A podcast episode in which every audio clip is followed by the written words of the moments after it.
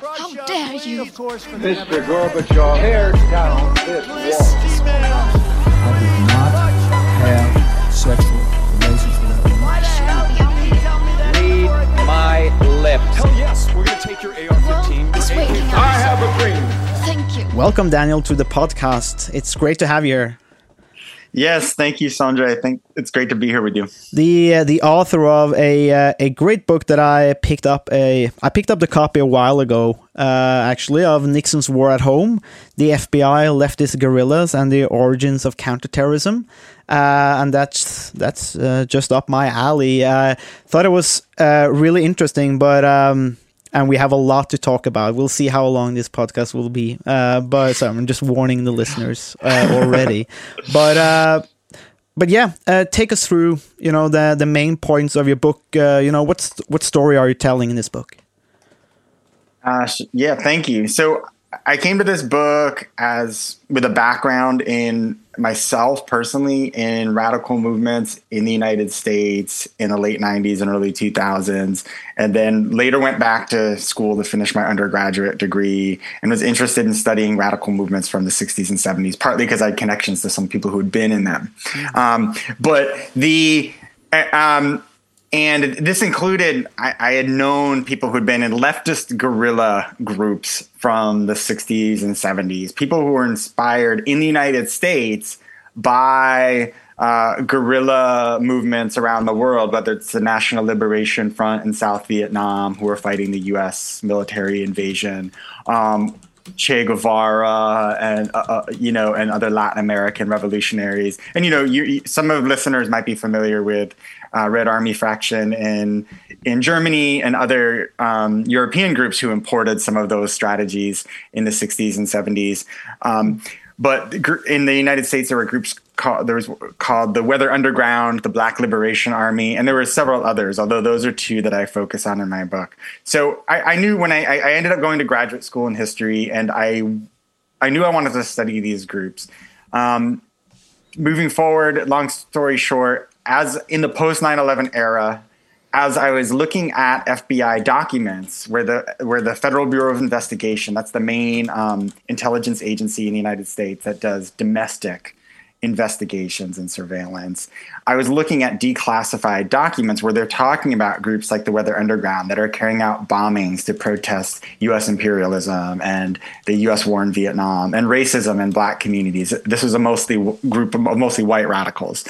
Um, and I see the word terrorism creeping up. And not only I see the, the, the, the FBI and its director, J. Edgar Hoover, referring to these groups as terrorists, but also revolutionaries, radicals. But basically what I realized, what I was seeing here as I was in this post 9-11 era, where some groups on the radical left and the radical environmental movement in the US had been framed as terrorists.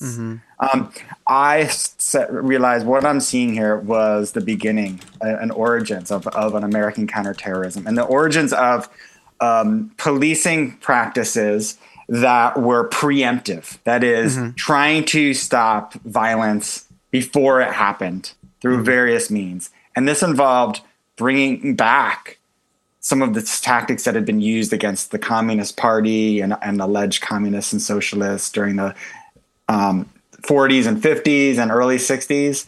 Things like break ins and um, um, warrantless wiretapping, mail opening.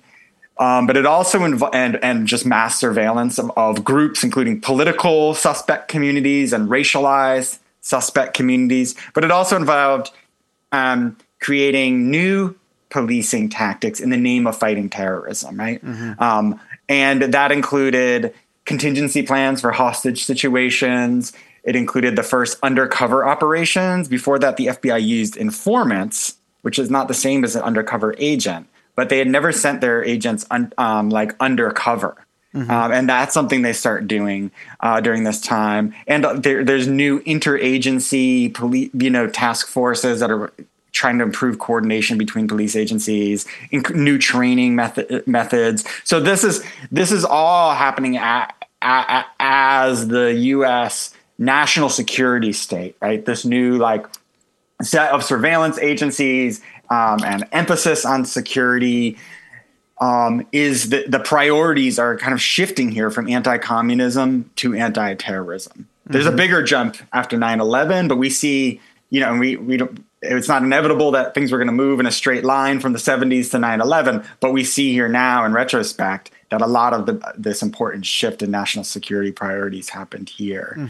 Um, I can say a little bit more about some of the interventions of the book. Should I Yeah, I mean, continue a little more? yeah, You, you you know just keep going i'm, I'm just going to add that um e- e- exactly uh I- i just want to point out that very often when we talk about terrorism uh it seems like it's a new phenomenon. You know we, it, it's something that happened on 9-11 almost. That's the starting point for a lot of people. Or or they go back or they go back you know a few thousand years and or, Yeah. or, or you get those kind of meaningless uh, point about well terrorism has always been part of conflict. And it's like well you know but we're, we're trying to figure out is this a specific phenomena or what is it and and and so and uh, i think that's where you you know you talked about it already but i think that's where you know a lot of good things you know in your book because you can actually point to uh you know a, a more concrete history here i think of the phenom- phenomenon would, would would that be right to say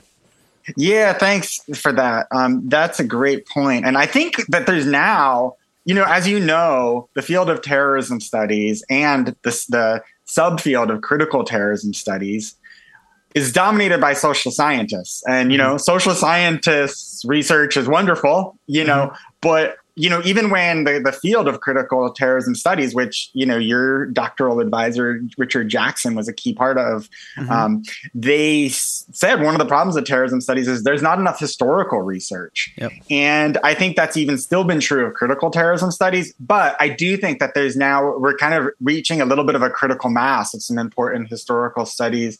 Um, Silke Zoller just came out with a new book to deter and punish global collaboration against terrorism in the 1970s. And um, um, Richard English's work is very important. Um, uh, T.K. Wilson at at um, St. Andrews' book on killing strangers. So I think I think we're and um, we're and there's a new book on Canadian counterterrorism coming out. So and and Lisa Stampnitzky's work, uh, disciplining terror, is really foundational too. So um, so yeah, I think so. There was, you know, I think we can trace like antecedents to the kind of terrorism and counterterrorism that develops in the 1970s. I mean, the term has its origins in the French Revolution in terms of kind of tactics of non-state actors rebelling against states, like anarchists or nationalists using dynamite or assassination in the late 19th, early 20th century. Or you have right-wing groups like the Klan in the United States and fascists in Europe.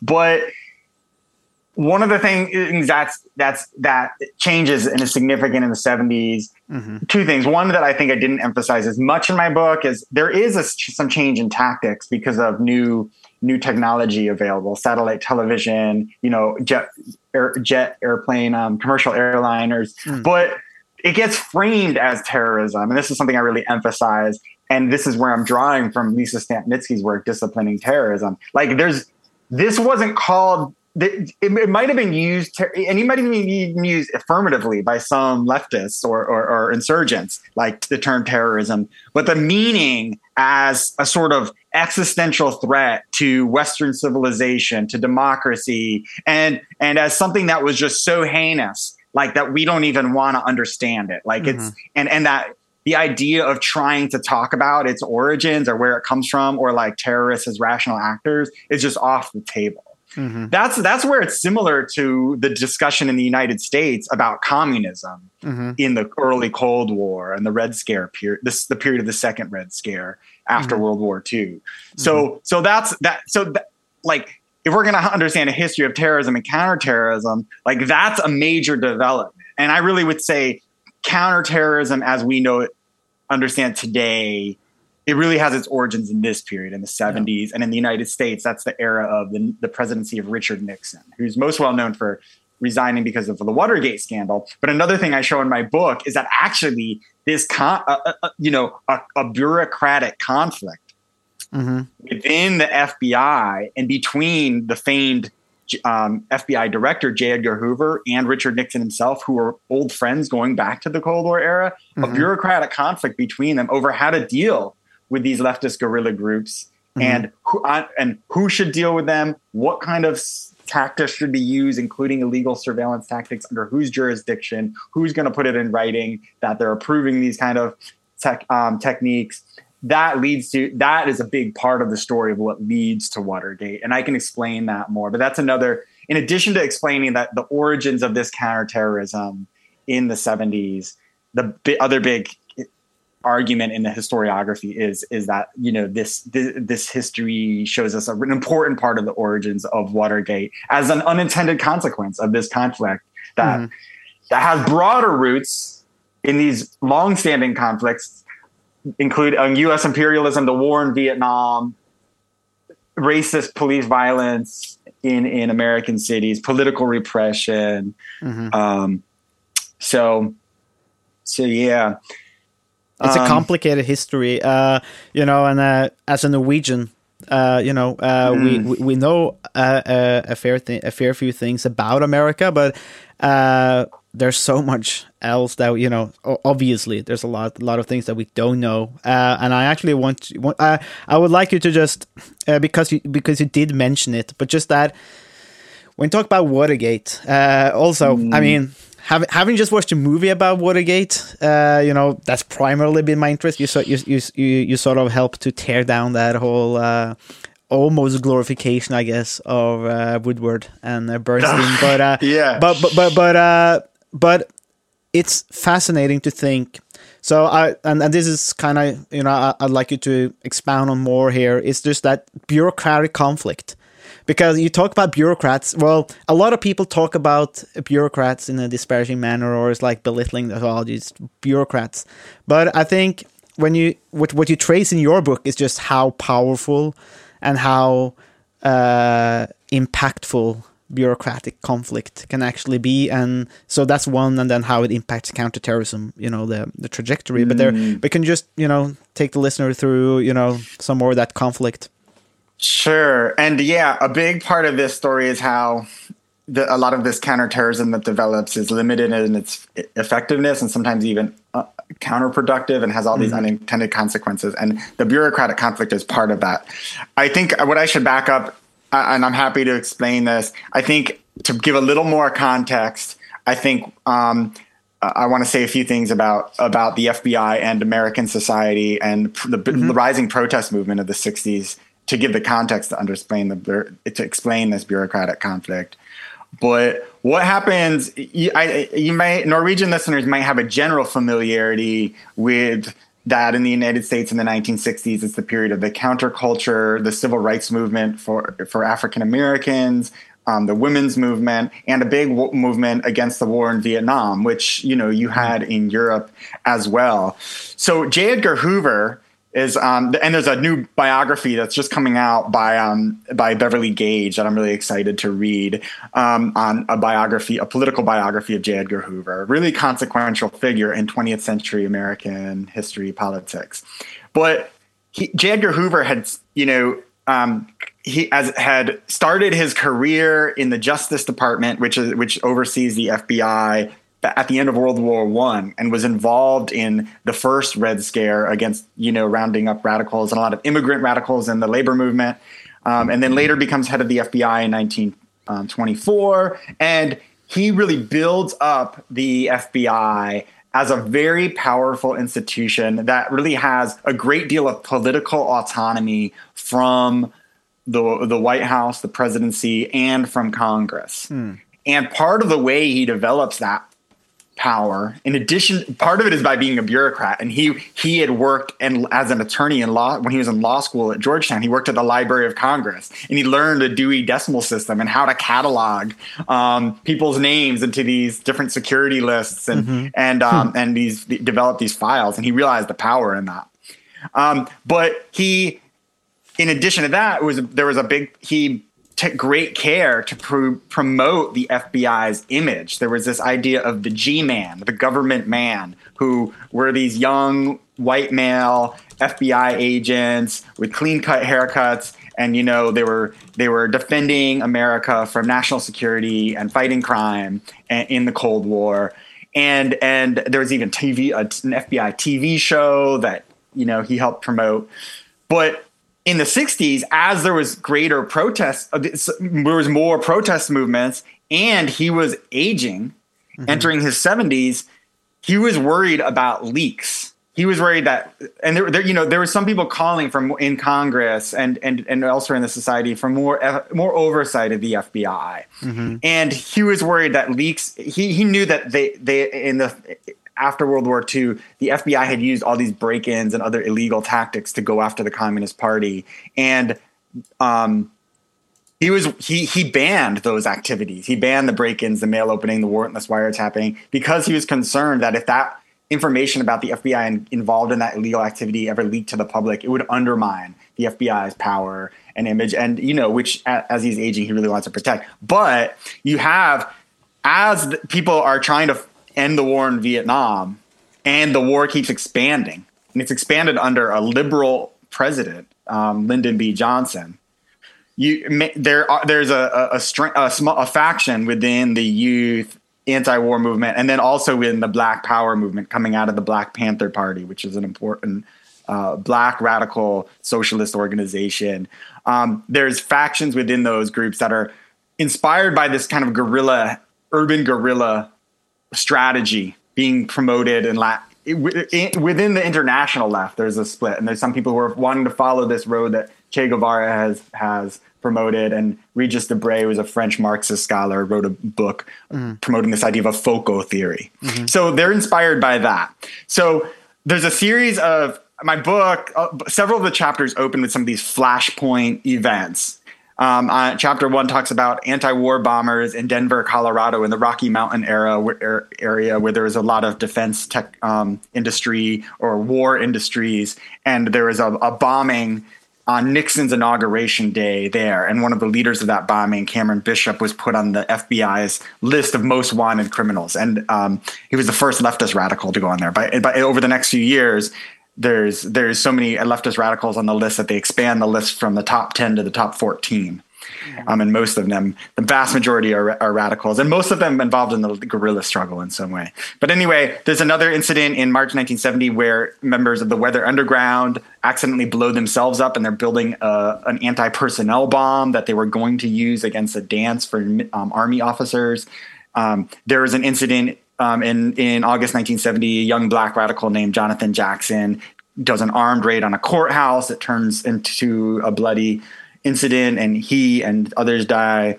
The, the Black Liberation Army in May 1971 starts assassinating police officers, and then an international event in um, September 1972, the Palestinian nationalist organization Black September, which is a faction of other, a sub faction of other groups, carries out a, a, an attack on the Israeli men's Olympic team, and it's a hostage situation, and also ends in a bloodbath. Mm-hmm. So all of these are, you know, and that's you, some of your listeners might be familiar with, and that's one that that the, the Munich attacks is something that we also then think of as like a key mm-hmm. point in the origins of this international discourse and concerns about international terrorism. But I'm I'm arguing that the U.S. response had to do with responses with with the conflict with these domestic guerrilla groups over the, the previous four years before that.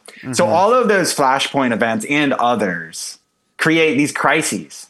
Mm-hmm. And Nixon is getting on the phone with Hoover, and they had been old friends. Like Nixon, uh, they, Hoover and Nixon were key players in the early Cold War Red Scare. But he ex- Nixon expected Hoover to just go along with what he wanted, but Nixon had Hoover had these other concerns that I just mentioned. So um, at all of these points, the, the kind of the pressure is on, and Nixon is kind of going against is Hoover is resisting. Um, a key moment there um, is there's something called the Huston Plan, and this would have been America's first institution explicitly dedicated to fighting something called terrorism and it happened after that town that, that townhouse bombing I just mentioned. It it was um, a staffer for Nixon named Tom Huston, who was a from a, a far right conservative background too, um, and was a staffer, and he was communicating with um, William Sullivan, who was head of the domestic security division within the FBI and was oversaw the famous COINTELPRO or counterintelligence domestic mm-hmm. operations against the Black Panthers and other groups, which I could also talk about. That's a whole other part of this story. Mm-hmm. But they Sullivan was concerned that Hoover was focused on an outdated threat of communism and he needed to do more about these guerrillas. He also had ambitions to become head of the FBI, but he behind Hoover's back works with Huston to develop to develop this plan that for basically a new government agency that would have had a, a, a an appointed uh, member in Nix, in the White House cabinet under the Nixon administration, and that this this kind of agency would have been a clearinghouse that would have brought all of the the federal intelligence agencies together. So in addition mm. to the FBI, there's a Central Intelligence Agency, CIA, which does international affairs, the National Security Agency, which does communication, and then the military intelligence agencies. Mm-hmm. It would have brought them under direct White House control and would have brought back all of those illegal surveillance tactics, and much of it in the name of fighting terrorism. Mm-hmm. And it, it Hoover Hoover tanked it. I'm using a little slang. Sorry, torpedoed it. He brought it down because he saw this as the White House taking control over too much oversight and trying to creep into his jurisdiction. Mm-hmm. And um, he he command he went to the attorney general and said, "I'm not going to do any of these um, surveil this illegal surveillance unless the, the, White House or the Justice Department signs off on every single one." And the attorney general convinced Nixon this is more trouble than it's worth because Nixon didn't want the leaks either. Mm-hmm. So, but that really turns this bureaucratic conflict into what was a simmering tensions into a really full blown bureaucratic conflict. And then there's some of these other incidents happens Hoover ends up bringing back some of those illegal surveillance tactics anyway, but informally, and doesn't even tell Nixon, mm-hmm. right? And that creates problems too because FBI agents start doing break-ins, but they're worried that if they get caught, is headquarters going to back them up? That creates that's that problem simmers. But what happens is Nixon then in um, summer of 1971, a man named Daniel Ellsberg, who's a policy analyst with the Rand Corporation, famously leaks this mm. massive report, classified report called the Pentagon Papers, and they're published mm. in the Washington Post. There's a film about it called mm. The Post. But when that happens, it, it, the, the, the, report shows that every president, U.S. president, from Harry Truman through Eisenhower, Kennedy, um, and Johnson, had lied about the about the U.S. war in Vietnam. and Nixon was worried that it, there was going to be information about him and some of his crimes that would come forward. So he he wanted Hoover to use some of these tactics against Ellsberg and and and Hoover refused. That's where he kind of drew a line, and mm that's when Hoover decides to make his own team or his his some of his aides form his their own team of of of secret operatives, and they become known as the Plumbers, and that's who gets caught breaking into the Watergate hotel. Mm. Um, and then this the scandal continues from there, and it's interwoven more, even more, with the, the conflict over leftist guerrilla violence. Um, but uh, sorry, that took a little while. No, that's. I mean, that's well, fine, and, I, and I explain it. And, and and just when you're talking about the plumbers, which which almost sounds like so, so, some kind of backing band, uh, you know, or or stu- studio musicians. But the plumbers, you know, Watergate, um, and you know, uh, if I remember correctly, Mark Felt, Deep Throat. Mm. That's also a uh, a uh, can we say it's a consequence of this bureaucratic, you know, conflict? Yeah, absolutely. So some of you, some people who might be familiar with the Watergate scandal, which ultimately brings down Nixon, know that there is, and if you've seen the movie All the President's Men, based on the book by um, Bob Woodward and um, Bernstein, um, the there's a there the, you know um, Woodward and Bernstein they're meeting with this secret operative who is known as Deep Throat, um, and it was it was never there were suspicions about who Deep Throat was, but it, it, this person was feeding information about the FBI's Watergate investigation to the Washington Post, and mm. actually lesser known to also to Time magazine, other media sources as well. The Washington Post has gotten more of the credit because of that film and that that important book, but um, so Mark, but we now we I think it was around 2006. Mark Felt as he was aging and actually had dementia, came out and admitted that he'd been Deep Throat.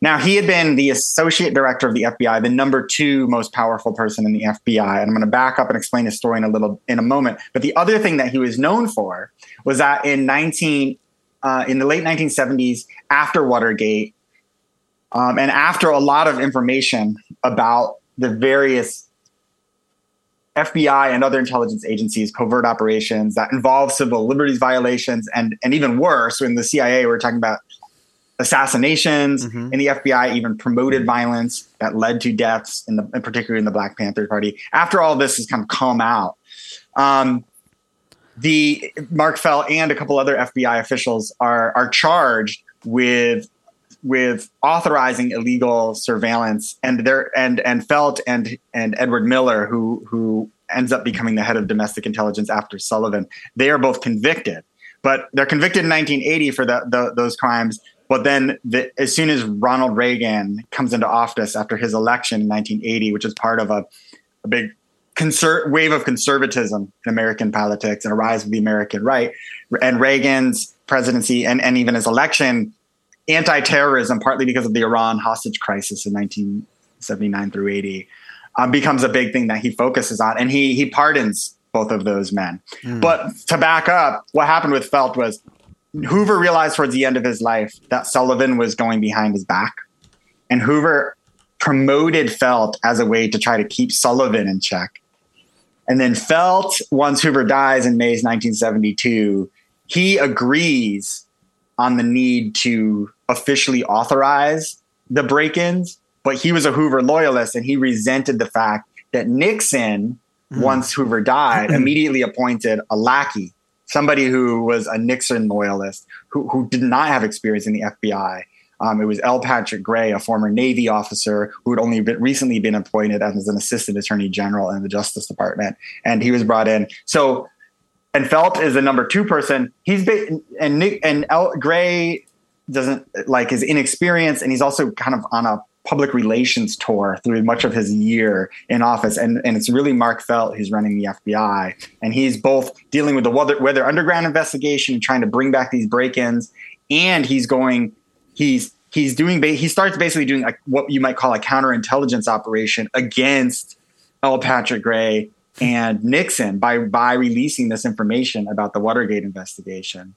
Meanwhile, while he's also trying to find a, a way to bring to reauthorize break-ins, you know, and it's it's ironic, right? Because Nixon did a break Nixon's plumbers did a break-in into the Democratic National Convention, and that's where they got caught. Um, and and led leads to the Watergate scandal. And they had done a couple other break-ins before that. Felt is authorizing the same sorts of break-ins. It's just he sees it. He, he's willing to do them to fight what he calls terrorism, but mm-hmm. not for this kind of more par- just overtly partisan mm-hmm. political maneuvers that Nixon is is is doing. Mm. So, but but when that Munich attack happens, that is immediately kind of get, creates an international crisis that is used by Felt to immediately start to authorize these break-ins against the Weather Underground, but also against suspected Palestinian nationalists in the U.S. And there's a break-in targeting Palestinian nationalists and supporters of the Palestinian cause, and a broader harassment of people of Arab descent in the U.S. that I call, refer to as the Arab Scare. Yeah. Um, so anyway, that's kind of how where that's where this figure felt, who's kind of been this enigmatic figure in American politics in the 70s, kind of fits into this story. So thanks mm. for asking about that. I, I loved I loved reading about that. You know this the, you know this narrative or the history, or and, and you see how these players, you know, it's it's it's almost like a Game of Thrones, you know, in like in modern popular terms, you know, where you where you're trying to to play the game for these positions, and and, and your your your your incentive, or you know, are to fight for you know your positions within the system, and you don't like that guy. It's like you know, I, I think I think that was quite fascinating when you it, it, it's fascinating. It's a little bit silly, uh, but then but then you recognize that these are the most powerful agencies in the world with the power to do almost anything except for except for actually catching the weather underground uh, or these groups because I mean that's part of the story, right? Is that uh, and the part of the frustration, uh, which I which I which, which I think we can sort of um, take into the modern discussion about counterterrorism. But uh, but but a big part of what you're talking about is that you're doing. We have all these resources being spent on on finding the Weather Underground and fighting the BLA. But but I guess the BLA was easier in a way because you know they were actually you know attacking more or, or putting themselves in harm's way. But the Weather Underground was a little more clandestine in that sense.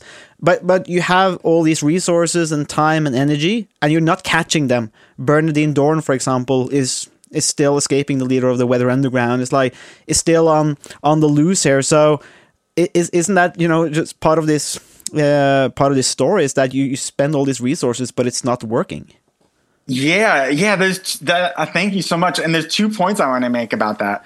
One is that, like I mentioned, my background came on the radical left, and the way I, I, I won't get into too many of the names of the figures in the books, but kind of the way I understood the FBI during this time, I think overstated their power. Mm. You know, I think there's this idea that the FBI just would go after any group that they saw as a threat, any any ideas that were different that were left, and, and tried to destroy them all. And they they the, the surveillance web was massive, but there was change over time, and like important part of this is showing that it's a lot more complicated than that, and mm. like even the, the the broad left or liberal coalition protest movements actually had a, had a a good amount of power. Ultimately, the you know if we look back over the longer term, the power of the right as an organized force, I think, was greater.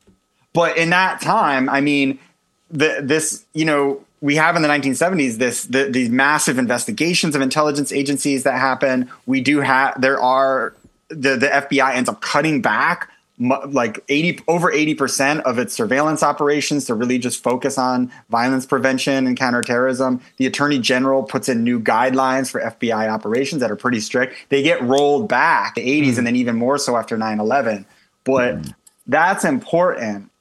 But the second thing too, yeah, is that yeah, they can't find they, they also to show the limits of their power they really can't find the weather underground they came close a couple times and a lot of that had to do with with a kind of luck. There's a thing, you know, I, I, I used FBI documents. I'm sorry. In addition to the FBI documents, I used a series of, of oral histories of FBI agents that had been conducted by um, a society of former FBI um, officials that, and then published the transcripts online. They're no longer available, but I use them. And the, um, so so one of the things one of those officers talked about was what he called serendipity. This idea that one of the, the kind of the way counterterrorism becomes effective is that you create this massive um, archive of, of intelligence and you spread information through all, all kinds of police agencies and you're trying to infiltrate the, the, the underground. But these groups that have become clandestine they have fake IDs mm. they've cut off all ties with even family members even their parents and they're they're hiding. It's really difficult to find them. Almost you know and they're not they're they're, they're not successful in infiltrating the underground. Mm-hmm. um, there there's there was I can explain a couple small exceptions to that. But this guy talks about serendipity is like it's really you're waiting you're you're you're spending all these resources and basically waiting for the guerrillas to make a mistake. Mm. And the, as you mentioned, I talk about the Black Liberation Army. Part of it is because they're black and they're because of racism that they can't get away with just like walk going into the casing the, the Capitol building and planting a bomb in a men, in a men's room or a women's room. But it's also they do more things like police assassinations and they're robbing drug dealers, and that is riskier and leads to and part of their doing that too is because they didn't have funding. There, there were some members of the Weather Underground who had they had were pretty wealthy, had some access to some family money. They were able to contribute, or, or they were able to do shop like shoplift in a way that black radicals mm. wouldn't be able to do as much. So, but that, but I think going back to you know how this relates to the present and your work that I'm think I'm I'm looking forward to talking about more is the, these these counterterrorism operatives are kind of doing a form of crisis management. I mean, mm-hmm. their job is not to think about the larger historical context. What are the root causes of violence? You know, thinking about the war in Vietnam. It's really their their their their their job is to find people who are carrying out bombings, and it, it includes right wing people too. Although the history is more of this this this surveillance focuses a lot more on the left. Mm. But anyway. Um, so, so, so, so yeah, they don't, they legitimately don't want uh, bombing or especially something that's deadly to happen on their watch, you know, morally or just in terms of their job and, and in in terms of the backlash they're going to get. And that, that creates a problem for them. And that's part of the picture. Yeah, I, I think it's. Uh, I think you mentioned it. I mean, uh, if people want to, uh, you know, get to know more about the Weather Underground, I, I, I do recommend this podcast series of. It's called Mother Country Radicals. I think about where I think it's is it Said Said Said Dohrn, the son of Bernardine, who, Uh, who's Zayd the ho- Dohrn, yeah. yeah, who's who's who's the host, and he he takes you know who's is through his history and his family's history, I guess, of of the Weather Underground, and and you also wrote an a uh, an op-ed, I guess, uh, Daniel, about about about the the, the podcast, which uh, you know uh, gives a. A, quite a, a holistic take on it, but it's still an interesting uh, uh, insight into the Weather Underground. And uh, one thing that I I'm pretty sure um, that my, if my memory serves uh, me right now, that you mentioned it as well. There's an example, isn't it, of uh, they talk about on the podcast about how they learned that uh, they had taken underwear from Bernardine Dohrn. Ugh. Uh, as a sort of her a- sister, Jennifer Dohrn. yeah as a gift to the, like the police like this is how close we got and but i listened to the podcast before i read your book and and so Um. i listened to that story and i you know and then you get that side of it but then you also mention it uh, and i you know in, in a way it's sort of like emblematic of of like the hunt for the weather underground it's like you take the the underwear and you're so happy about that and it's like as a as a trophy Yeah, that, it's a pretty perverse story, but you know, Mm-hmm. so Jennifer Dohrn. I mean, we now know she's basically what we might call a topsider. I mean, she was somebody who had a connection to. She, she really did have an, a connection to the underground, but she was an above ground person. Mm-hmm. She was not, you know, in hiding, and so that was she was one of the main people the FBI really focused on to try to find the underground, and, and they, they they they they broke into her apartment multiple times. They even they even like discussed trying to um when she she you know they, they had her under surveillance while she was pregnant. They even did like um discuss like kidnapping her child as a way to get her to turn in her sister bernardine dohrn. They didn't follow through with that plan but they did all these break-ins and that included yeah like when when when the the head of the the unit that was doing these break-ins in the FBI retired they gave him uh, somebody at a party gave a pair of um, her underwear to him. And they, I guess they thought it was a joke but to her that was really to find that out was you know really disturbing um but but it also speaks to their frustration I mean and, and you know they're they're trying to find these people and not having any luck Yeah, yeah, I think it's. Uh, I mean, I mean, uh, in, in in a way, it's fascinating history. Uh, and then you know, I, th- I think when we when you when we walk through, I mean, the 1970s are really important. Uh, you know, you talk about the lead up to it, um, but then. You know, and then when, when we're talking about you know how these you know FBI and stuff worked here and overstating the powers and whatever, uh, you know th- this this carries over right into the 1980s when you have terrorism experts in in, in, air quotes here who who also make up terrorist groups. I mean, they're they're they're seeing terrorist groups everywhere. Uh, you have that infamous uh, conference in London in the eighties when they where they talk about the Basque violence and they they uh, decide without visiting Spain or the Basque countries that that uh, terrorism is the problem and they make up a new terrorism group uh, that nobody's ever heard of. It doesn't exist either, but it doesn't matter. There's a lot of there's a lot of fantasy going on in in counterterrorism, and and I think in in one way, I mean, when you when you think about uh, Weather Underground and the BLA, they arise out of uh, real issues. Uh, I think a problem in counterterrorism is that you they traditionally, I think it's true today, uh, and it's been true. Uh, I think it's been true, uh, you know, for many many decades. Is that there really aren't that many terrorists out there. So when you spend this many resources on fighting or countering or hunting for them, you end up uh, chasing ghosts, as John Mueller and Mark Stewart says. That you because well, there are real threats out there, but there are not that many. So, but when you use all those resources and you hunt for them, well, then then then you start seeing things, uh, and and you read uh, into things that doesn't really exist. And and I want to use that as a segue into one of the main points I think in your book, uh, at least the one that I, I took away from it is, and you mentioned it in the in the chapter about uh, uh, police killing, uh, because you have the BLA ambushes the police, and you have this uh, the, the quotes here from you know uh, Hoover and Nixon talking about you know all they talk about is you know the poverty as a reason and all that kind of stuff. And then but then Nixon says you know but that's not the reason these people are bad people.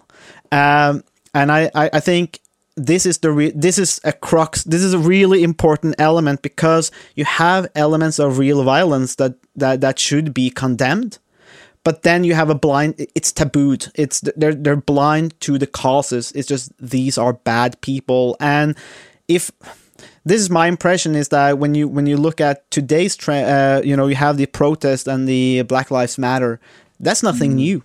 It's like this is this is a much larger historical trend or and these are issues uh, and i often look at violence as symptoms that you know that are being forced to the um, uh, on, onto the top. They're not, you know, uh, being hidden, but they're forced up, uh, like a volcano, like an eruption, basically. Uh, but you know, uh, in you know, going through your book, could you just, you know, talk about, you know, I guess, uh, United States, but also this, you know, how how the real causes or the root causes and discussing those are tabooed and how they're not talking about it is just you know these are bad people and we need to fight them yeah i mean th- there's a question in there i hope you can find it yeah, no, that's great. Thank you. Um, the um, what, I guess there's two parts to that. One is that in trying to look at the history of these guerrilla groups, I wanted to try to really take seriously about their motives and talk about where they're coming from. And they are responding to massive state violence. The war in Vietnam, which is a war of aggression by the United States, um, you know, supporting a puppet regime in South Vietnam against a popular insurgency and then later against North Vietnam it leads to over three million people dying, mm-hmm. and and and and the, the and, and that include and, and plus, that's three million people in Southeast Asia plus fifty more, than fifty two thousand American troops. Mm-hmm. So and and and one and one of the things about Nixon is he actually he he not he we now know that he actually sabotaged peace efforts at the end of Johnson's administration, like secretly sabotaged them because he thought it would help him get elected, and he he wanted he ends up extending the war. That could mm. have been over um, in 1968, 1969. Yeah. Um, so so and then the the poli- police violence, um, particularly disproportionately, you know, it's mostly working class and poor communities, and particularly urban, and then disproportionately black communities was a, a longstanding problem too. Um, at the same time, I'm, I'm, I'm taking that seriously. I'm also looking critically at the strategic choices that movements made, and that's where something that I think in a recent literature hasn't been done enough. and I, I would say. I mean, I think there's there's a, a tendency at romanticization of some of these paramilitary groups, and uh, yeah. C- Cedric Johnson is a scholar who's who's who's getting into like talking about radical nostalgia and, the, and some of the mm-hmm. problems with that historically and in terms of the, the political ramifications. So, but yeah, but one what part of what emerges here emerges is here is something that Lisa Stampnitzky calls a politics of anti-knowledge. And she's she's really focusing on the Bush administration after 9/11 with that, like you know where you're with us. But Bush says you're with us or you're with the terrorists, and kind of any discussion of nuance or understanding motives is really off the table, and and, and even implicates you in as a terrorism supporter.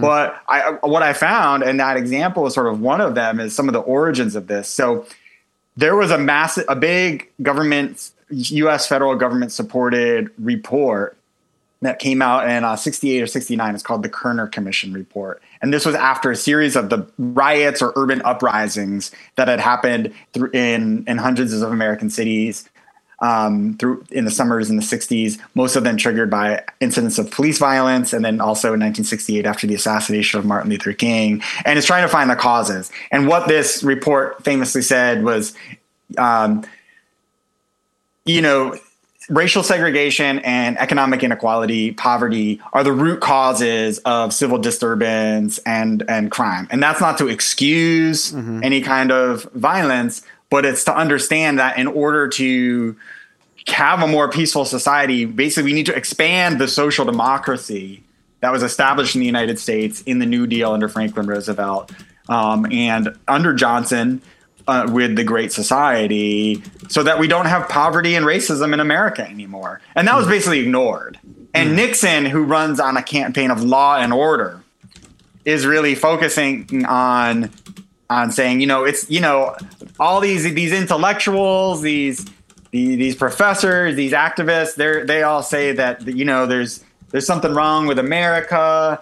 But he says the, the problem is that people decide which laws they can break and which ones they don't want to break. Of course, he's breaking all kinds of laws. He doesn't hmm. care about law. He cares about order. Yeah. But that's an example of when they're talking about these. He's like, oh, the New York, they, they're, they're on this private phone conversation that was recorded and that I was able to access. There's, they're, they're, they're using that law and order banter and their, their, their pessimism about the New York Times wanting to talk about environmental causes for violence. And they're saying these are bad people. Mm-hmm. And that's, that, that's the way terrorists, so people framed as terrorists end up being discussed by a lot of these officials. So, um, mm-hmm. so this it, it moves a lot of the conversation away from t- talking about those root causes, which is what you focus so much of your work on and mm-hmm. trying to understand alternative ways of dealing with political violence. Right? I, I- think it's fascinating too because it's like even when we're talking, you know, we're having this discussion, it's obvious that it's academic uh, uh, oriented and we want to understand things. We still have to you have to preface it by saying that we're not trying to excuse violence because and and because in in a way that's you know a given. You know, you, you don't accept violence. You should it should be condemned in in any form. But then what's happened, and and a lot of terrorism scholars have talked about this. You know, since the eighties. Um, especially the, the the kind of people that were coming up then, you know, about how they they, they were tired of uh, trying to understand terrorism, but then always have to defend themselves against critics and saying that you know trying to understand is not the same as accepting uh, or condoning violence, and and we still have in, in some ways have to do that, and I I think that's you know I think that's an interesting point that carries over from you know the the narrative that you tell in your book, and then uh, also the with with the politics of anti knowledge. I'm not sure if you have uh, if you know about this uh, Cato report from the from 95, 96 by Ivan Eland, uh, which uh, you know it still baffles me that you know that they they had a committee. I think it was in in the CIA or was it it was commissioned by Madeleine Albright, and they they because no, the Pentagon they had a working committee I think, and and they and they had the assumption that American inter- military interventions abroad causes terrorism, and the Ivan Eland from the Cato Institute, you know, went through all the cases and and, and found that yes, yes, your your your assumption is correct. Uh, uh, if it if it not if it if it's not causing it it it, it, uh, it definitely correlates. You know, there's a strong correlation here. Um, and I asked Ivan uh, when I did my PhD, I sent him a message and I was like, whatever happened to that report of yours? And he and he said, well, initially they found it interesting, you know, in in a polite manner. Uh, then they forgot about it.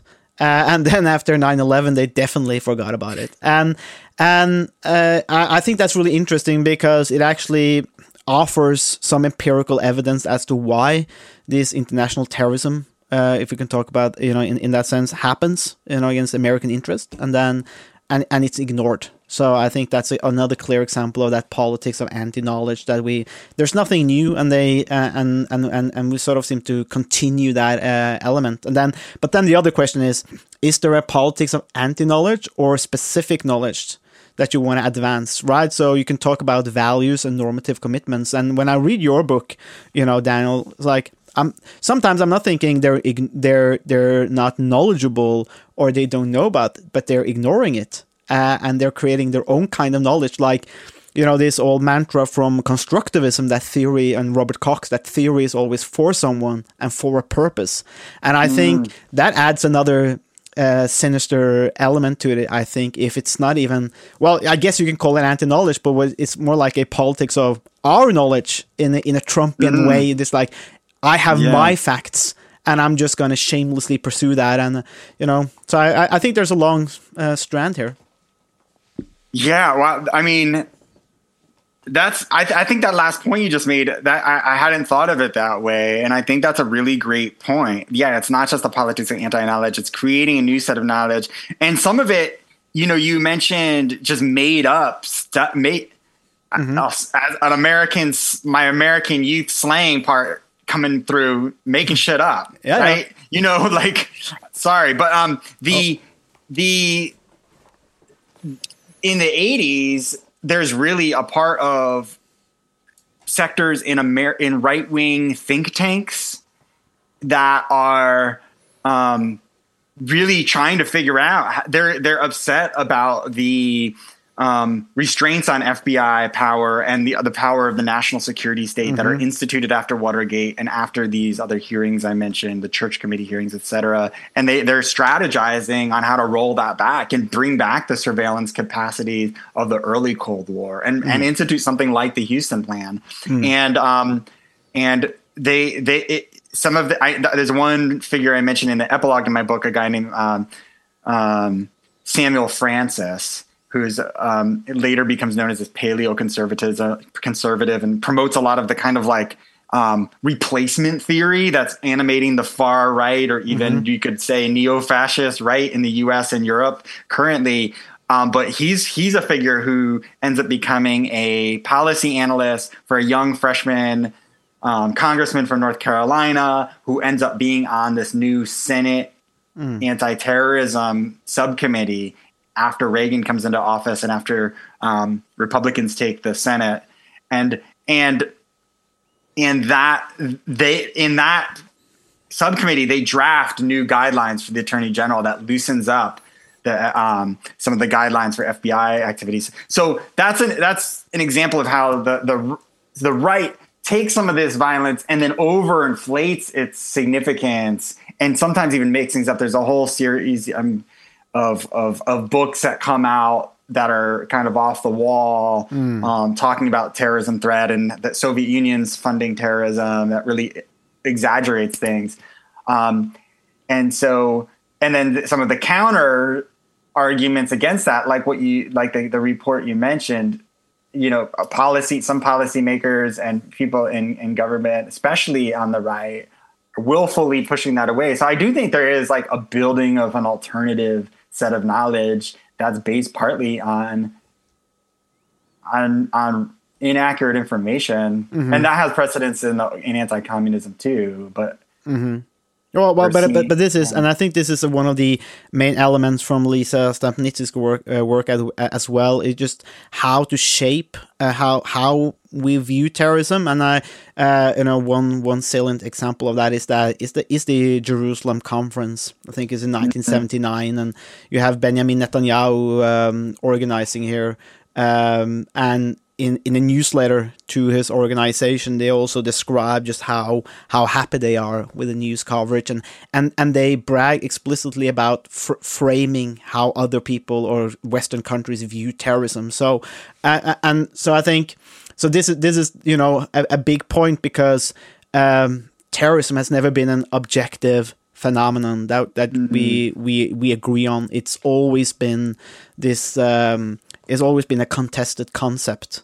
Uh, uh, but I think, especially after after 9-11, but also I, th- I think you know some, somewhat during the 90s, but at, at least uh, after 9-11, did, did you know this for, for for many years this was just ignored.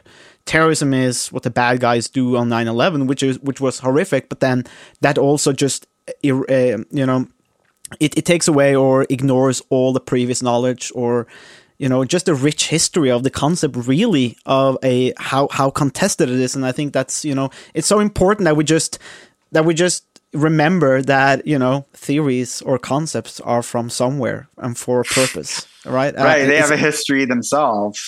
But um, but yeah, you're right. It's always been political, and just the the controversy over that. The term terrorism has always been linked to these broader controversies over state violence and over Yeah. surveillance and policing, and you know, and who's who who values who's an enemy, who's who's in power. But I think this is a good way to to transition. I mean, if you don't mind, you're I, you know, uh, with all humility, since you're the host, but I, um, I, you know, I to, I to talk about your work a little bit, but let me just say that you know, after 9-11, I was I was I think twenty or twenty one when that those attacks happened, and I was living in Portland, Maine, on the east coast of the United States, and we we me and the people I was in, connected with protested even the war, the invasion of Afghanistan, and that was not very popular. But I mean, people. I mean, I was physically assaulted by people on the street for just trying to protest against this. It's so angry that you'd be questioning U.S. policy during this time, and that yeah, like that idea of questioning uh, the war on terror, which is not acceptable. And when the in Iraq invasion, invasion, which is based on lies, as we know, happened. You start to have a larger anti-war movement, but even then, the, initially a lot of pushback, and Yeah. um, I was assaulted protesting that too, um, but uh, by by and also by police. But the Wow. I'm not trying to talk about myself, but it's just a transition to maybe give a Norwegian audience or and others like a, a, a feel for that time period, and so we can come back to your work and because um, I think what your work does is offers uh, some some some ideas and solutions in a in, for for an area that others had theorized about or criticized, but not offered concrete solutions. And that is like, how do we deal with political violence that's real and that hurts people and you know and non-state political violence what's typically called terrorism while also not losing sight of the root causes and the ho- and and if I may, you know, one of the ways that we after I read your your work, I initially reached out to you, and we started this correspondence we've been having now for a couple of years or more. Um, there's a in the U.S. left. There's this discussion of prison abolition. It's recently um, in the BLM protests. There's a slogan "Defund the Police" has come through, and a lot of like the concepts be- behind police and prison abolition is that you know it's a form of state violence. We have mass incarceration in the U.S. It has class and racial com- like components in terms of oppression and discrimination, and that it doesn't solve the root problems mm-hmm. of violence. And in fact, it's like violence factories. You know, taking people and putting them in this violent place, and then if they're ever released, sending them back into the society where they don't have resources to succeed and and it's it's just like this self perpetuating cycle. So prison abolition has become really influential and but there's also a discussion in the US left about you know is social dem- democracy in Scandinavia a model for the US and and and it, you know is maybe hmm. prison abolition distract from like building the kind of mass movements in labor and other work constituencies of people to reach a kind of different political economy that would have maybe a different idea, different forms of policing. And then the question still, how do we deal with right wing violence or other violence? And so I, I would just love to hear. I, I kind of gave a little bit of a, a spiel there. Maybe you could ta speak to some of that. I mean, it's a um, it's such an important and difficult question because the the insight or the point that you start from, and this was the the, the starting point in my own research back in well 2012 when I got into terrorism studies, uh, was that it was so blatantly obvious that we were doing things wrong or it was counterproductive. We were making terrorism into a self-fulfilling prophecy by killing more people and not not really understanding the phenomenon of violence. Uh, and I I've later uh, tried to define violence uh, in accordance with you know other political theorists such as Simon Critchley about how violence is a phenomenon with a history. So it's violence and counter violence, uh, and this creates a violent history, and it's very hard to break out of that cycle. Uh, and, and so that that that that was kind of obvious that you know there's stuff that does that does not work, and I was thinking, you know, we have all that human suffering, uh, and my normative, the more normative drive of my research is to try and avoid human suffering, uh, in line with the old emancipatory goal of original the Frankfurt School, but they didn't really crack it. So we're, we're still trying to crack it. But you know, it's uh, in in the words of Ken Booth, uh, we're trying to explore. Well, security is about um, giving people the opportunity to explore what it might mean to be human. Uh, and and and in in there, I think lies you know it, it's not easy, uh, but then you're talking about in a way preventing, for example, terrorism by giving people options, different ways to live their life. And so, in my own view, this is so. You know, I have not worked on uh, you know prisons or the prison system or and um, defunding the police, which I don't think is realistic, and I, I'm not really sure it's helpful either. Um, although critical questions can be, you know, uh, pointed towards the police, but in my own work, then what I try to do is that um, my own emancipatory project, such as it is, uh, was to try and uh, first of all, I, I did create a model of counterterrorism, uh, you know, which was kind of idealistic. But then the point is that I, through my work in my master's degree and PhD, I looked to Norway, you know, in a, you know, try, trying to um, not copy another famous American speech, but you know, I tried to look to Norway, my own country, because they had been involved in peace diplomacy. And peace diplomacy uh, is a lot more about actually looking at the causes. And so then I, I went to Norwegian diplomats and I asked them, because I knew they that they had negotiated with terrorists, something that we were told after 9/11 you cannot do. And we, we later had a big academic discussions and with Harmonie Toros, for example, leading the way, saying that you, well, you should actually negotiate uh, with terrorists. That's that's a good way of trying to end that political violence. And I talked to Norwegian diplomats, and they were like, "Well, we always done that." You know, what are you academics on about? Of course, you have to talk to them. And then I talked to people who sat in Colombia, in Sri Lanka, and other places, and they sat across, you know, people at the table that they knew had perpetrated terrorism, but they still were people and they still had those discussions and they was able to move the peace process going. Uh, by by doing the things that we were told after 9-11 you cannot do. By having negotiations by having talks. Uh, and that doesn't mean that it's always successful as in as in Sri Lanka which ended with a, a bloodshed and violence in the end anyway. But for, for many years they, they were actually able to um, to uh, reduce levels of violence and try and build meaningful relations here. And so I think there's a a potential uh, here of of um, of uh, it is possible to see to see these reasons and uh, not condoning violence, but there's possible to see the reasons why it happens, and that's so important. So one of the main imp- um, points of my model is to begin with the old Enlightenment principle of dare to know, which is, which is something that the West produced, but that we have forgotten a lot about, and then and then what the the only thing that I can do basically is to try and produce. I, I try to produce knowledge about why the war on terror or using violence is wrong and counterproductive, and how we can actually prevent terrorism by not bombing people all the time. We have to do more meaningful uh, peace diplomacy. We have to do good old fashioned politics, trying to mm-hmm. establish those institutions. Like we, we never, we, we didn't really try in Afghanistan.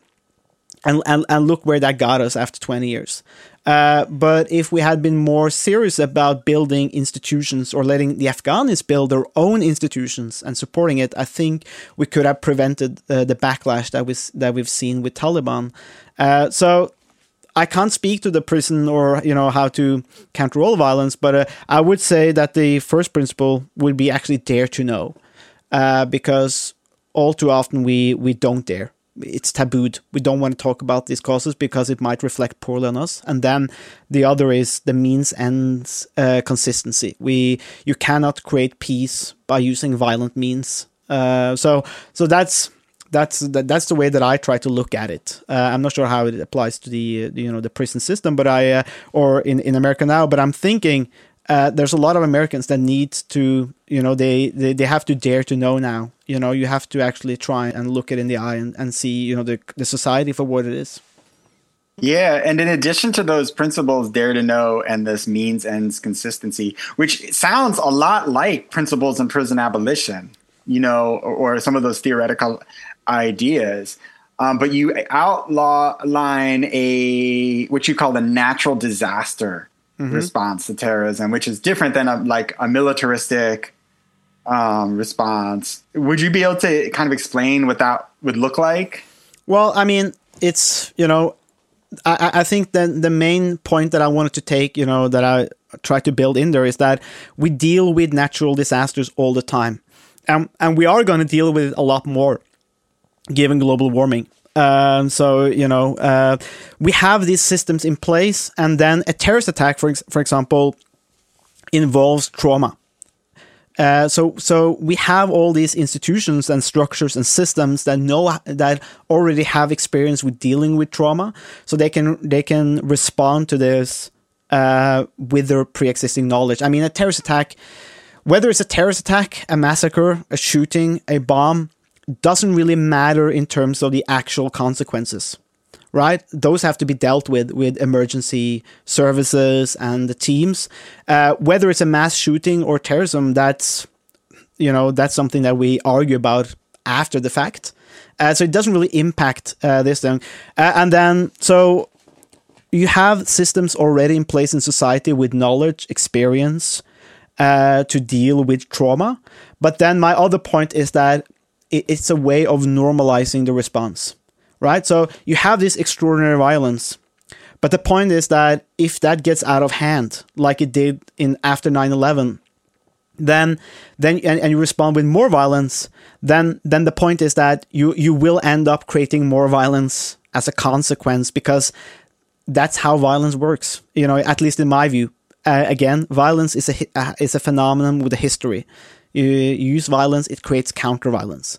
Um, that's basically, I, I think that's well, that's how, at least how I look at it. So, I by by using that uh, disa- natural disaster model or approach, and it, it it may not be the correct one, but that's the one that I used. My main point was that uh, we have systems in, already in place which can normalize the response uh, and avoid the, the trap of extraordinary measures because those extraordinary measures can easily lead us down a path that will erode civil liberties will kill a lot of people and will cost a lot of resources. And so that's that that is what i was trying to get at uh, when using that model. But then that model is uh, you know we're getting quite technical here but it's created as a weberian ideal type which is uh, not a concept, you know, like a, you know, this is a definition, this is an ideal type. And my point when I put that out there is that this is initial work and I want people to use the model and perhaps improve on the model. So, you know, there could be other, I'm not saying that, you know, this is, you know, the, the one model to rule them all uh, in terms of, you know, a Lord of the Rings terminology, but um, uh, I do think we need to, uh, and and John uh, John Mueller talked about this after 9/11, and he said, you know, this is a not a harbinger harbinger. This is a, uh, a one off. You know, the, the terrorists got lucky, and we need to be careful about uh, um, responding in extraordinary manner. So I'm I'm not the first one to make this point, but. I did try to make it into the to the model. So that's yeah. I, I think normalization and bringing the politics back in, you know, and the politics Yeah. of knowledge uh, back in. I think was my main point here.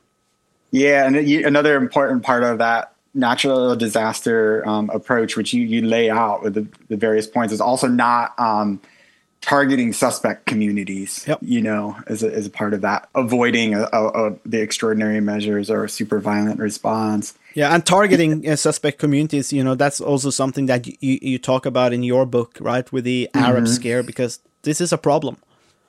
Yeah.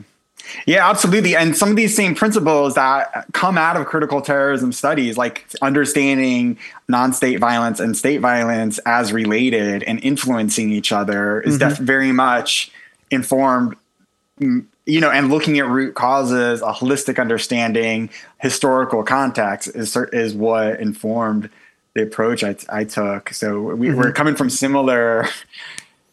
Yeah, and, and I think you know, backgrounds and, and, sense. And then the the main point is still, as you as you said earlier, uh, there are clear, real examples of violence being perpetrated on the left, Yeah. on the right, by different groups. These are, you know, this is real violence. You cannot hide from it, and you cannot deconstruct it. You know, or, or you can try, but but thi- but this, you know, these are events that have real life and real time consequences. So you you need to find a way to deal with it, but in a way that that, that is different than what we have been doing.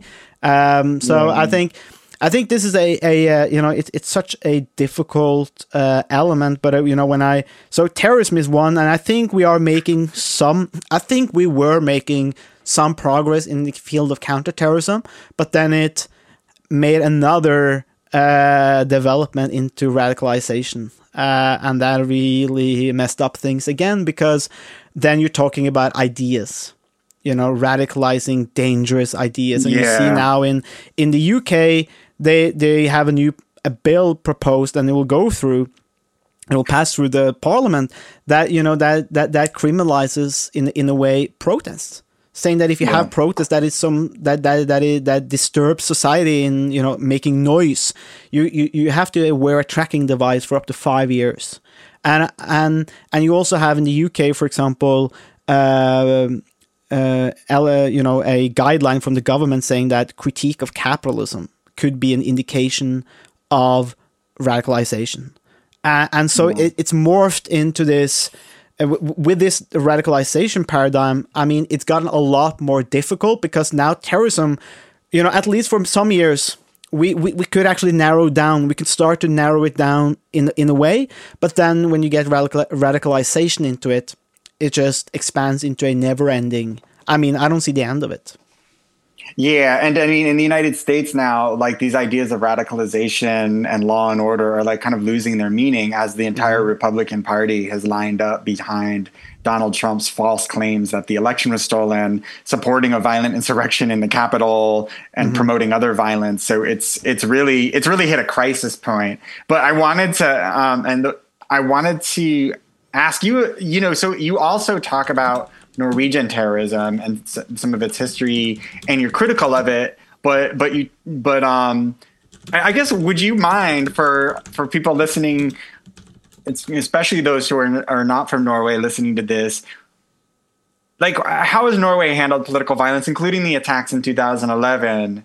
Um, and have they avoided some of some of the the um, extraordinary measures and, and go and excessive responses?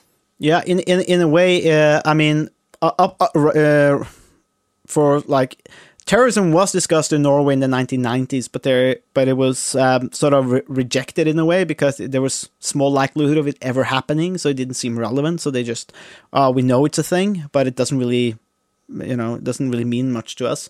And then uh, 9/11 happened, and that obviously is a catalyst for new laws and and measures. But we do have the attacks on uh, on uh, in 2011 the Breivik attacks uh, where he uh, blows up part of the parliament or the government buildings and and uh, and kills a lot of young people at a political youth camp uh, at Utøya uh, and I remember it uh, you know uh, vividly um, and what happened after is that Norway in many ways followed the what what we call the traditional justice model of counterterrorism. So uh, it was handled by the police, and they actually apprehended him uh, and and interrogated him, and then he was. Um, he faced trial at a normal court. Well, it was normal in the sense that it was a lot more security and and all that kind of stuff. But it followed the same criminal justice system. It wasn't an extraordinary. It, it wasn't handled with extraordinary measures uh, when when it happened and the aftermath. And I think a big a big point uh, was made to treat him as an ordinary criminal. Uh, because he wanted to portray himself as a crusader and defender of the white race and and blah blah blah, uh, and then the court and he didn't acknowledge the Norwegian court, you know, the criminal justice system, and I think that's why it was important to actually treat him as a as an ordinary criminal who actually killed a lot of people and the worst, you know, criminal in our history, but there's a signaling effect here when you treat him as an ordinary criminal because he wants to see himself as something bigger, something larger, and then society says nope. Um, but also the police handle it. They got a lot of critique, uh, rightly, because they were not prepared for an event like this. There are horrible images of them on a in a small dinghy uh, out on the water, and it it almost sinks. And you know you have to have uh, uh, ordinary people coming out to pick them up in boats uh, to get them over. It's like it, it- it's uh, it's really weird. But so the police got a lot of critique, but in general, the Norwegian. Um, domestic counterterrorism approach has always been the uh, the the criminal justice model. So not a war model that we saw in America after 9/11, uh, but a criminal justice model. This is this is this is another criminal act, uh, and so that's how they've been dealing with it. Um, and right up until uh, and after the Breivik attacks, what's really interesting is that after the Breivik attacks, Norwegians in, in when they did some uh, polling, they found that Norwegians were less supportive of government interventions or more authoritative measures than before the attacks. So it seems seems to indicate that Norwegians actually had the recoil of like, well, this is a a, a terrorist attack, an extremist attack. We are then going to go the opposite direction uh, and talk about more democracy and more liberties, right? But then that was after the attacks, and then what we see now, especially with the uh, when ISIS came on the scene, and in later years, Norway has uh, uh, gotten a lot more closer to other countries, especially the UK and other countries, about how they deal with terrorism. So now there's a lot more talk about radicalization, and they and they uh, implement a lot more measures that we uh, that are not you know much closer to our uh, neighboring countries and especially the UK.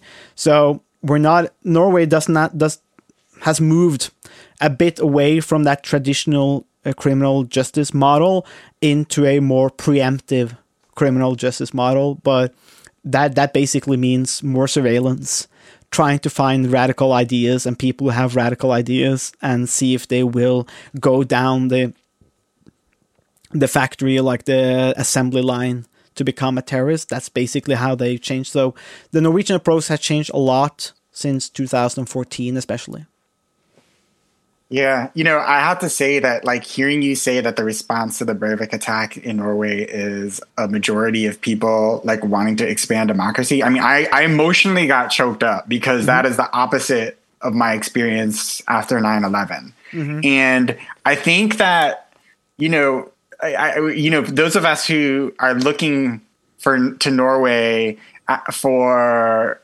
inspiration or other models of uh, of development or approaches to political violence or of social democracy.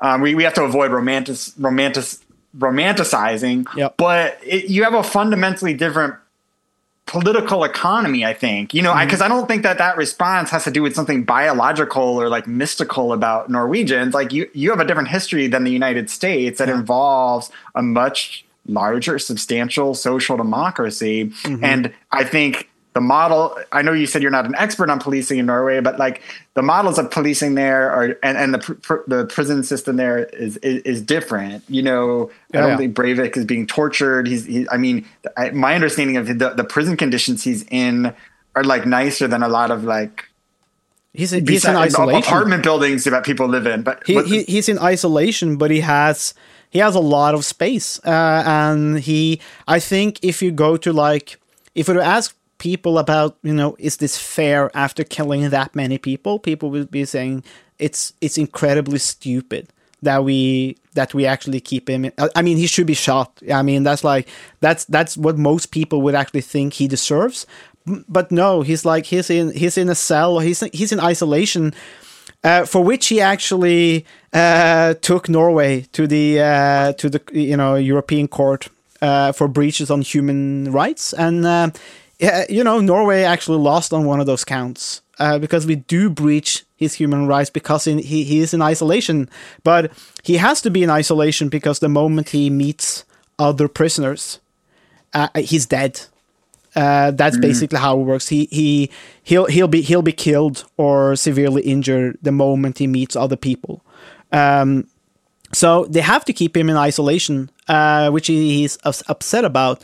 But I, I I think it was it's beautiful in a way uh, that Norway, you know that that he's been treated like an ordinary criminal, although he has to be in isolation. That he's he's actually able to take Norway to court for breaches on human rights. Norway loses, but that's fine. You know, nobody cares. But but but but I think it's a good thing. I think it I think it, it seems stupid to a lot of people, but that's how these institutions have to work if they are gonna work. So if you if you try to think beyond tit for tat, if you're trying to think mm. beyond just punishing people, if that if that means something for you as a society, this is actually how you have to deal with it. Uh, I think so. I, I I I like the way that we're dealing with him, and that he's uh, that that he's actually been able to sue us or sue Norway, uh, lose, and you have that discussion because, uh, but that because that's a functioning criminal justice system, uh, and I I think that's a good thing. Yeah, and you know, um, I've tried to ask you know, I, am very much influenced by prison abolitionist ideas and by this, but but in recent years, I've, I, I'm more reluctant to identify with that. Be, and part of the reason is because I've tried to ask people like straight up, like what's what is how do we respond? And I do think that nor, that this model here um, is important. And um, so I just the, the other thing I want to ask you, if you don't mind, you, you had mentioned from your perspective in Norway, the idea of defunding police or like doesn't seem to make sense to you. Um, just speak. Could you speak about just in a Norwegian context, or just based on your ideas, like why why that was the res- that was the response to my comment earlier? Well, I think uh, you know our the, the, our country's histories are very different. Norway is a much younger state. You know, 1905, uh, more homogenous population, uh, but also a really small, inconsequential state uh, for most most of our history, you know, at least in your history, not medieval history, then where we were actually a superpower. Uh, but uh, yeah. but but not. But but not but, but not but not in recent history. So you have a small country which is kind of an outsider, and where the state actually has to be the main main player because you don't have like in America, you don't have the enormous resources uh, or the Vanderbilts uh, and other people to sort of be these. Um, uh, you know, powerful people that you know um, build build society in air quotes, but you know have these companies mm-hmm. and they they are really powerful. Uh, the only powerful player basically in Norway is is a state, uh, and that's been for a long time. Uh, but then, so that's one part of it. That we have a we have a tradition of viewing the state as less pro- problematic than other states or countries. You don't have that in America. You know, it's almost funded on a basic mistrust of society, which, you know, in political theory makes you know make makes a lot of sense. But that's not the history in Norway. Um, it's a different history. Mm-hmm. So there's a lot more trust towards the state, uh, and mm-hmm. also because after the Second World War, I mean, you you did have the Second World War where, where we lost our state and then it came back mm. again, you know, in 1945 after Nazi Germany was defeated, and then you had the Labour Party sort of rebuilding social democracy in Norway, and people's lives got better. And then it's like, well, the state can't be all that bad when when it's actually doing things for us. So there's a more positive view of state. Um, I think I think that's important uh, important to note. Um, and then another you know key factors and differences um, e- equality. Uh, it's there's a lot less violence. There's a lot there's a lot more trust in society when there's trust, uh, or and when people are equal. You know, material equality actually matters. Um, n- not in a communist sense that everyone has to be equal in material sense, but but there has to be you know proportionality here. Um, I think it was we'll say Henry, I think it was more J.P. Morgan, the financial banker, who actually once said that you know the income inequality in America has to be one to tw- one to twenty is ideal. Uh, it doesn't have it shouldn't be more than that. That a manager or the top brass earn more than twenty times, but in America now it's between seven hundred and one thousand. Uh, mm. So it means you live in different societies. And I think in those societies, and especially in America with racial segregation, slavery, all that kind of stuff, uh, and then you have that uh, maxim of law and order. You know, that's basically just mm. repression. Whereas we don't, mm. we, we, have we haven't had that in Norway. So uh, I think that's the different kind of history. So that's the historical factors that I think play into you know my answer to you. But then there's there's there's the other question uh, of pacifism uh, and nonviolence, which I dabble in uh, because nonviolence is an important element of my work, uh, but also my, as you as you said, my supervisor Richard Jackson. We've we've done a lot of work on this on on nonviolence, but but he's much more into pacifism uh, than I am. But then but then you end up with the question of what do you what what does pacifism mean when you meet direct violence when people don't care about it. Uh, what mm. do you do? Hmm. People break the law, they kill people, they hurt people. What do you do because it seems like pacifism is not the answer. Uh, and most people tend to agree then I think that uh, having a police or an institution that can actually stop people from killing other people. So you you do it's not so it's then not pacifist. It's but it's not violence per se. It's it's force, and you're stopping people from killing other people. I mm. think that seems reasonable. That you need a kind of entity that can actually do that uh, at least in our history. I think it's possible to create, or you could imagine other societies. Uh, but uh, but I think that would take a long time. Uh, and the problem is that societies have histories, cultures have histories, and norms and values. So trying to like say defund the police, and we can look to some sort of uh, tribe or country or some ancient historical epoch for like how the different organization. Well, it could be a good source of inspiration, but you also have to actually start from where you're where you're at. Uh, so Yeah. I, I think that's sort of like how I how you know how how I approach it. If that Yeah. makes sense, you know that uh, you, you you have to start from where.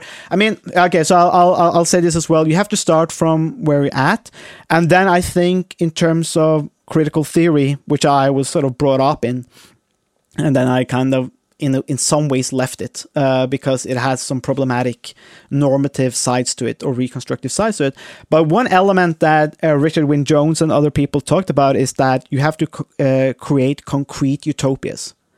So defund the police seems like a wholly uh, impossible project, but maybe you can start with smaller things that will be concrete utopias that will help uh, deal with stuff. So to make you know and uh, to connect that with my own work on counterterrorism, I, I I don't expect I don't aim for an end to the war on terror immediately. I think that's that's impossible. What I'm trying to do is to say, well, we actually have this knowledge from Norway in peace diplomacy that can actually help us prevent terrorism.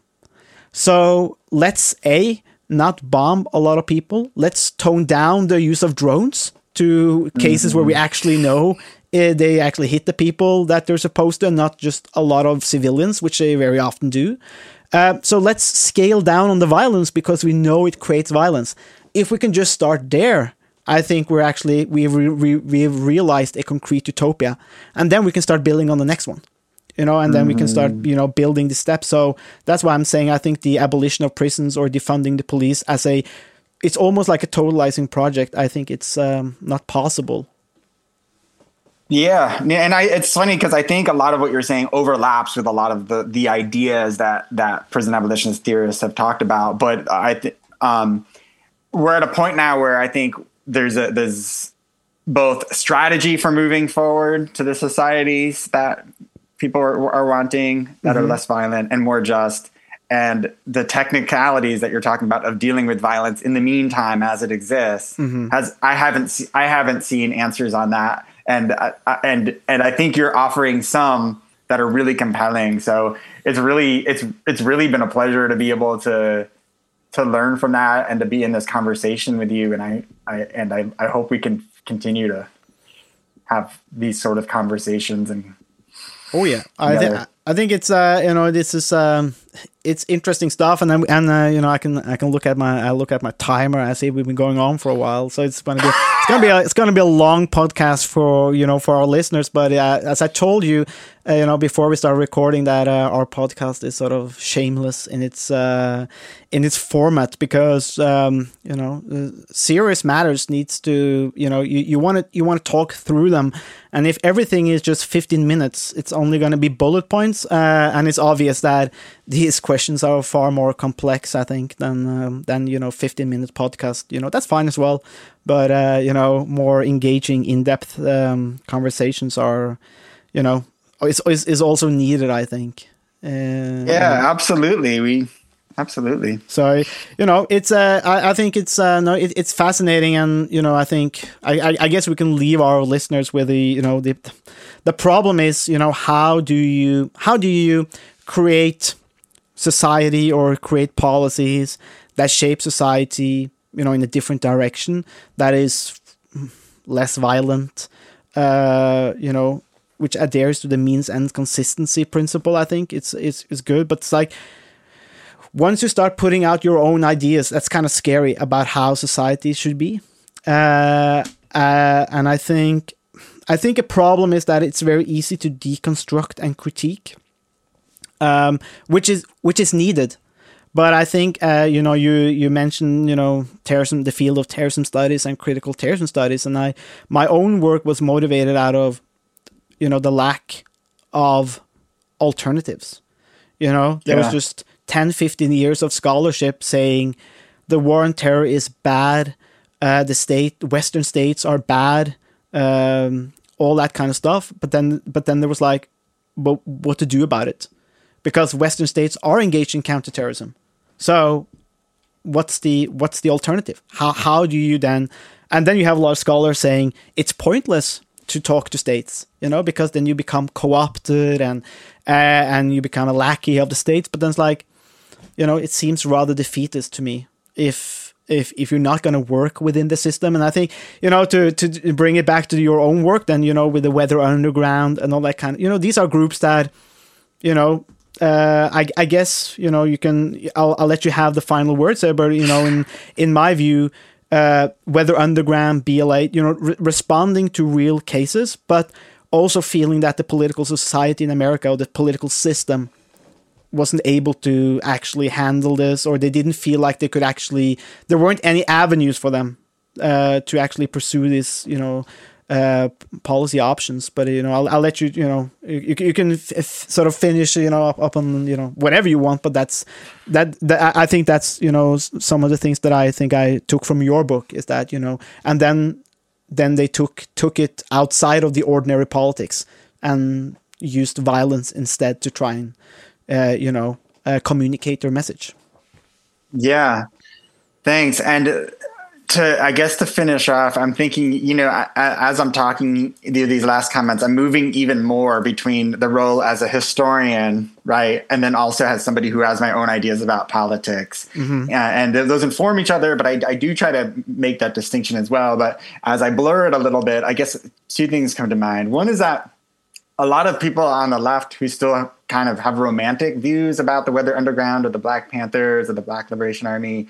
Um, it's interesting, like within prison, those who promote prison abolition, also that that that they might have this kind of nostalgia for armed struggle or or just like promoting street fighting. And you know, there's a lot of people. There's over four thousand people arrested during the, uh, uh, or I think it was over 4,000 arrests over the George Floyd protests of 2020. And um, m- many, I mean, there's all many people who've been convicted or like they've really had their lives messed up. And like some of them have had support, some of them haven't. I don't know how many became inf- informants, but we didn't have enough of a real m- movements with like discipline and organization to even support these people. So like, like, uh, like, so anyway, uh, the, intel- and besides just not having an infrastructure intellectually and theoretically i haven't heard like a lot of prison abolition idea is about nonviolence so we're, we're like i think we need to be clear about like i'm not a strict pacifist but i do think that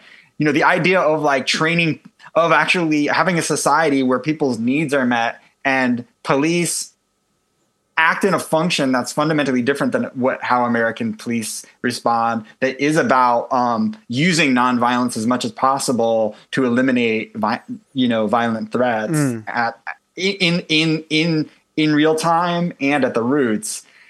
Like is something to to really think about how to achieve.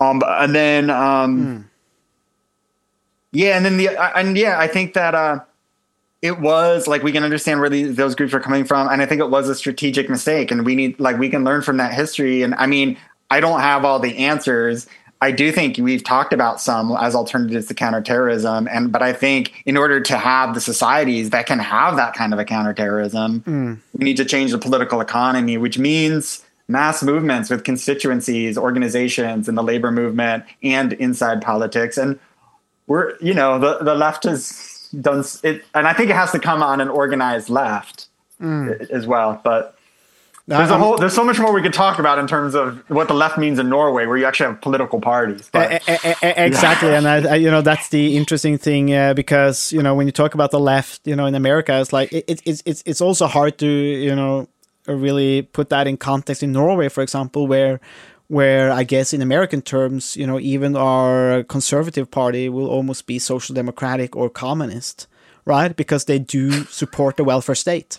So you have people on the Norwegian right being way left in American politics, um, which so so that's an interesting part. And then, I mean, I mean, yeah, you know, you bring up so many points because you know, and then uh, you know the left. I mean, nobody attacks uh, themselves better than the left. I mean, that Mm. that's been the problem for centuries, basically. Um, that you know you have so much infighting, uh, and and you know, and those answers, the, the answers that they've tried to come up with, you know, in some ways have been either, you know, some of them have been really violent, totalitarian, uh, you know, which is, which is a huge problem. And then you have uh, the concept of, you know, how it's worked in Norway or the Nordic countries, where you have a social democratic uh, society, which, you know, I, I have to say I'm preferential. I, I like it. Uh, I, I, I do. I, I, ha- I have lived abroad in different countries and different parts of the world,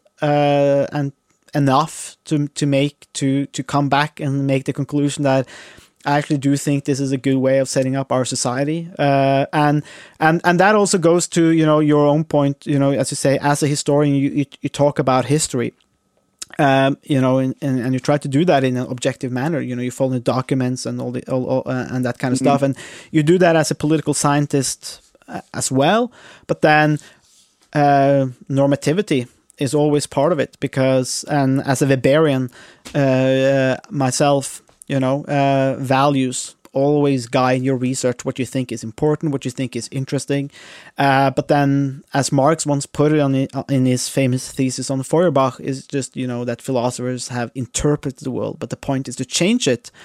But that is easily said and it's so hard to to do.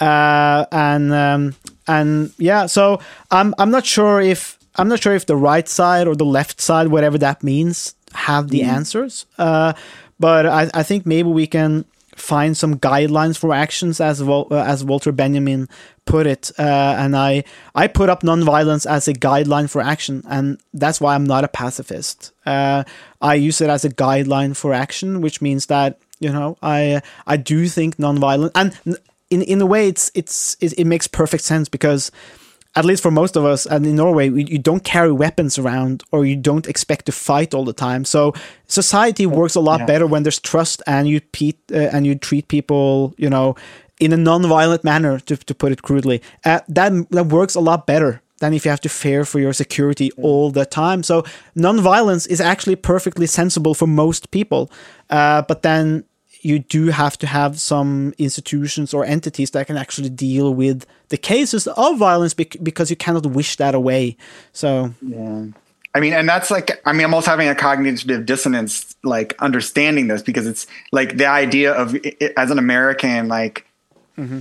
not being worried about security or like, I mean, I grew up in, I went in public schools where there was fights and there was, I saw weapons even, there's bullies. So it's just, I mean, it's not like it's different in different places, but yeah. yeah, there's guns everywhere. I mean, we, we do have we do Yeah. have some problems with knives and stabbings in Oslo, and you have some gangs, but it's so it is nothing compared to America, where you know I, I see I see these videos on Twitter, you know, where you have uh, you know uh, primary schools where they have you know um, active shooting drills, or you know how, how to hide, how to protect yourself if there's a shooter inside a primary school, and you know then I you know you, you have to think this is absolutely nuts like what kind of society is this uh, I, I I have to say i mean it, it may sound just just mental but it's like uh, and then and then you have people saying well you need to arm the teacher uh, well that's Yeah. fine up until the point where you have a crazy teacher who is then armed Yeah. with a lot of people and it's like there's no guarantee that you, you won't get crazy teachers who will then have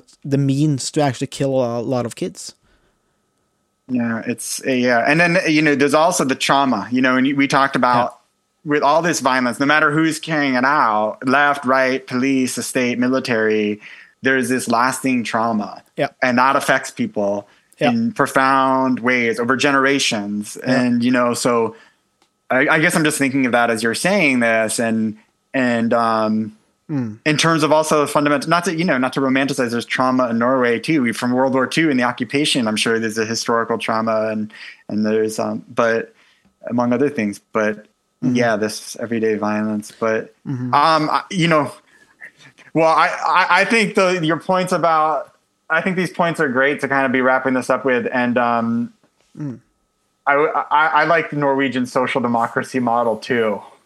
Yeah, get me a get me a ticket, Sondre. well, I mean, I, I mean, you, you, you might end up here, you know. Uh, if I would you- love to, but if, we'll see. if the if the if the if the job market uh, plays out, you know, who knows? You you might be coming to Norway, but and I I, I- and I do think uh, you know not to romanticize it uh, at all. You know, there are problems and there are difficulties, but I but I but the, but there is there is a higher level of trust and there's it's a more equal society, which me I you know I I- I think that uh, anyways give you know that gives people a a better platform for dealing with each other in a more humane, proper manner. Uh, whereas where you get uh, massive inequality and you have those histories of violence, it's really hard to bridge.